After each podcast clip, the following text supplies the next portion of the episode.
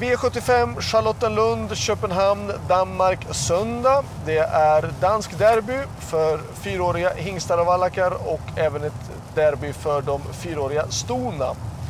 Eh, vi inleder med den första V75-avdelningen som är ett vanligt, eh, vanligt lopp så att säga. Eh, och, eh, Eddie the Eagle nummer ett ser ju väldigt intressant ut. Likadant nummer sex Even Steven och 8 The Wind Take It All.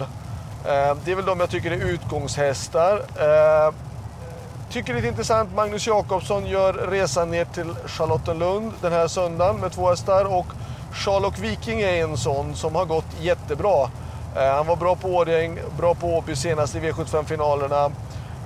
Är absolut en varning om man skulle ta en fjärde, femte häst. Likadant kanske även nummer tre Piccadilly, för det är ändå stenhjul men 1, 6 och 8 utgångshästar där bakom 2 och 3.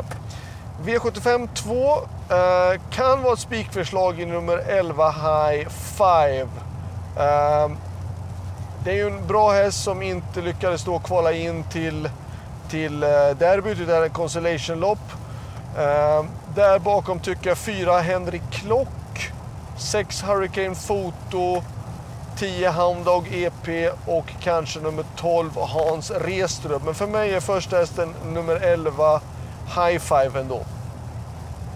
V75 3 är snabbloppet och eh, två Bo Westergård-hästar. Det är nummer 2 Get a Wish och 3 Seven Nation Army som utmanas av nummer 7 Emoji.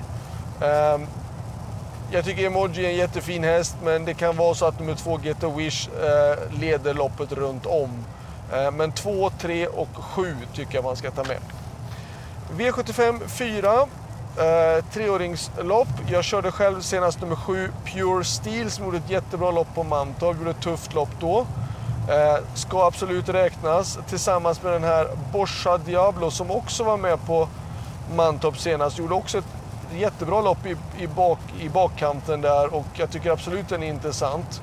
Eh, jag tycker att det är de här 5 och 7 och sen även då kanske nummer 2 Jefferson är också bra. Eh, vill man ha ytterligare någon häst så tar man ett JJ. Men jag säger 5, 7, 2 och kanske 1 i avdelning 4.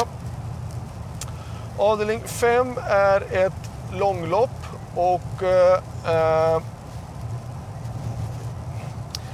jag tycker vi ska ta ganska många hästar i det här loppet faktiskt. Jag tycker ett Gucci Line är intressant. Jag tycker två Kind of Steel. Eh, fyra Glad Knock.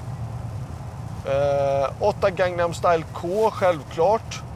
Eh, 12 Velten Swarovski. Vill man ta ytterligare hästar då tar man, passar man upp för nummer 7 Andrew Ward och nummer 11 Stonefire också kan jag tycka i sådana fall.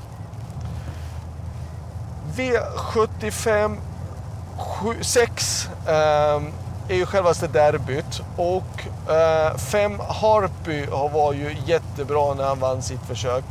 Eh, har ju det perfekta utgångsläget.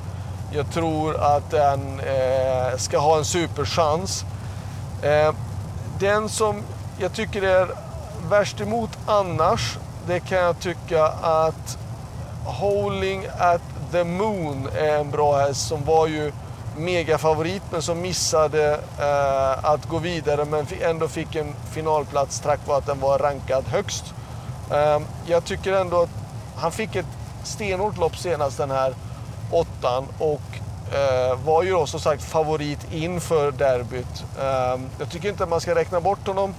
Han fick ett felaktigt lopp senast. Jag kan tycka att han är intressant motbud eh, mot fem Harpy. Det, normalt sett står det mellan de två eh, på förhand där bakom kan jag tycka att kanske tre Henrik Will,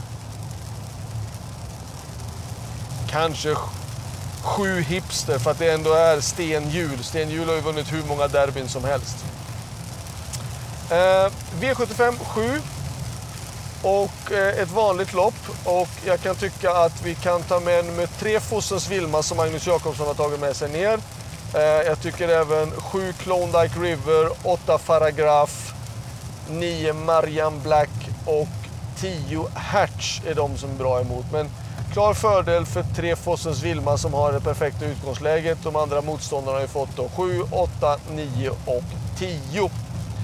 Så det var allt. Lycka till och eh, hoppas att det här hjälper er på vägen. Ha det bra. Hej då!